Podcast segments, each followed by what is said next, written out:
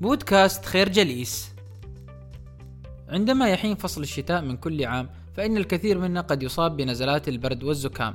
يعد مرض الزكام من أقدم الأمراض الموسمية التي أصابت البشر وتم توثيقها في كتب التاريخ على مر العصور والحضارات.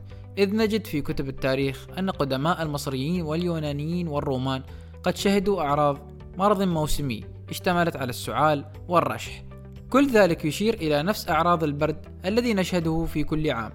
اختلفت تفسيرات القدامى لأسباب المرض مثلما اختلفت طرق علاجهم للبرد فمنهم من كان يعزي الأمر إلى تغيير الطقس ومنهم من كان يظن أن اختلال سوائل الجسم كالدم والبلغم كان سببا لنزلات البرد. وبالنسبة للعلاجات كان قدماء المصريين يستخدمون الأعشاب والعسل على عكس الرومان واليونانيين الذين اتخذوا وسائل وخزعبلات أخرى لمعالجة المرض. لحسن الحظ مع تطور وسائل البحث العلمي في أوائل القرن العشرين اكتشف العلماء أن السبب الحقيقي لنزلات البرد هو بالفعل فيروس يدعى فيروس الأنف أو راينو فيروس ولكن على الرغم من معرفة هذا الفيروس إلا أن العلماء عجزوا عن إيجاد العلاج المضاد لهذا الفيروس. ذلك لأنه يتغير ويتطور في كل عام. ولكن قد يكون فيروس الأنف مفيدا لنا. فبما أنه لا يعد من الفيروسات الضارة والخطيرة فهو يساعد أجهزتنا المناعية على مقاومة بعض الالتهابات الحميدة مما يجعلنا أكثر قدرة على التعامل مع الفيروسات التي تشكل تهديدات خطيرة لصحتنا.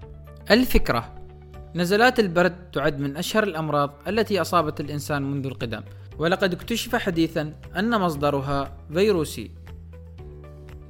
الإنفلونزا من أشهر الأمراض التي تسببها العدوى الفيروسية يعمل فيروس الإنفلونزا عن طريق تدمير الغشاء الواقي المبطن للممرات الهوائية في الجهاز التنفسي مما يجعلها عرضة لمسببات الأمراض التي تدخل إلى جهازنا التنفسي أثناء عملية التنفس وهذا بدوره يمكن أن يؤدي إلى التهابات قاتلة في الرئة.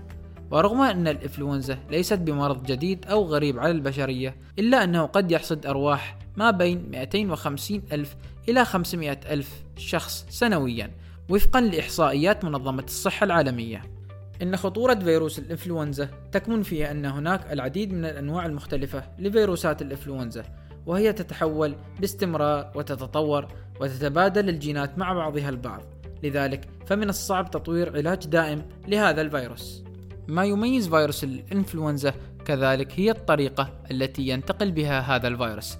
فغالبا ما تحمل الطيور فيروسات الإنفلونزا وعندما ينتقل الفيروس من الطيور إلى الحيوانات الأخرى ومن ثم إلى الإنسان فيمكن أن تكون النتائج كارثية. خلال جائحة إنفلونزا الخنازير H1N1 في عام 2009 أصاب ثلاث أنواع من فيروسات الإنفلونزا الطيور مجموعة من الخنازير والتي اندمجت في نهاية المطاف مع بعضها البعض لتشكل فيروسا فائقا مميتا والذي انضم بدوره إلى فيروس إنفلونزا الخنازير مما مكن الفيروس القاتل من الانتقال إلى البشر.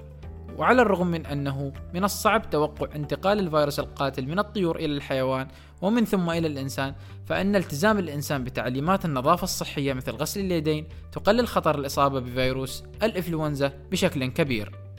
الفكرة فيروس الإنفلونزا فيروس معدي ومتغير ومن الصعب توقعه ولكن يمكن تجنبه من خلال بعض العادات الصحية البسيطة.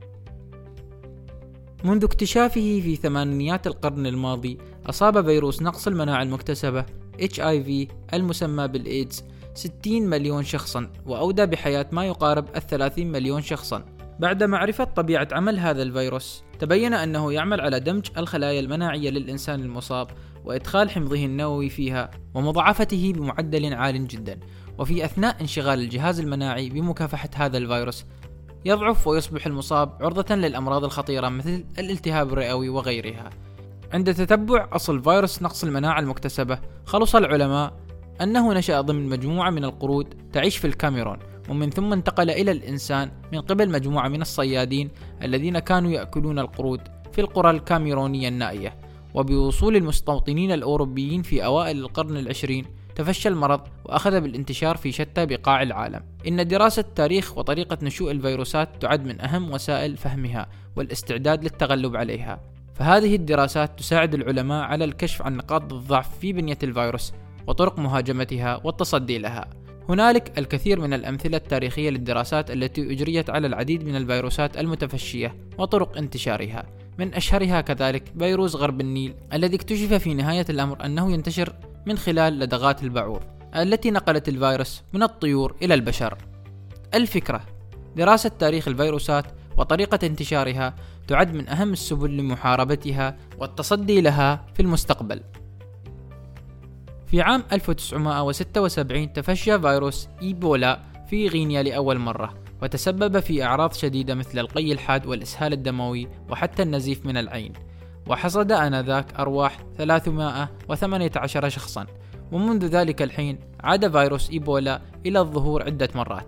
كان آخرها في ديسمبر من عام 2013 كان مركز تفشي الفيروس في السبعينيات في دولتي غينيا وليبيريا. وبما أن هاتين الدولتين أصبحتا أكثر ارتباطا بالعالم من خلال وسائل النقل والطيران الحديثة أصبح من السهل انتشار الفيروس في بقاع مختلفة من العالم مما أدى إلى وقوع أكثر من عشرة آلاف حالة وفاة في عام 2013 عدم قدرتنا على التنبؤ بسلوك الفيروسات ليس هو العامل الوحيد الذي يجعلها تهدد مستقبل البشر.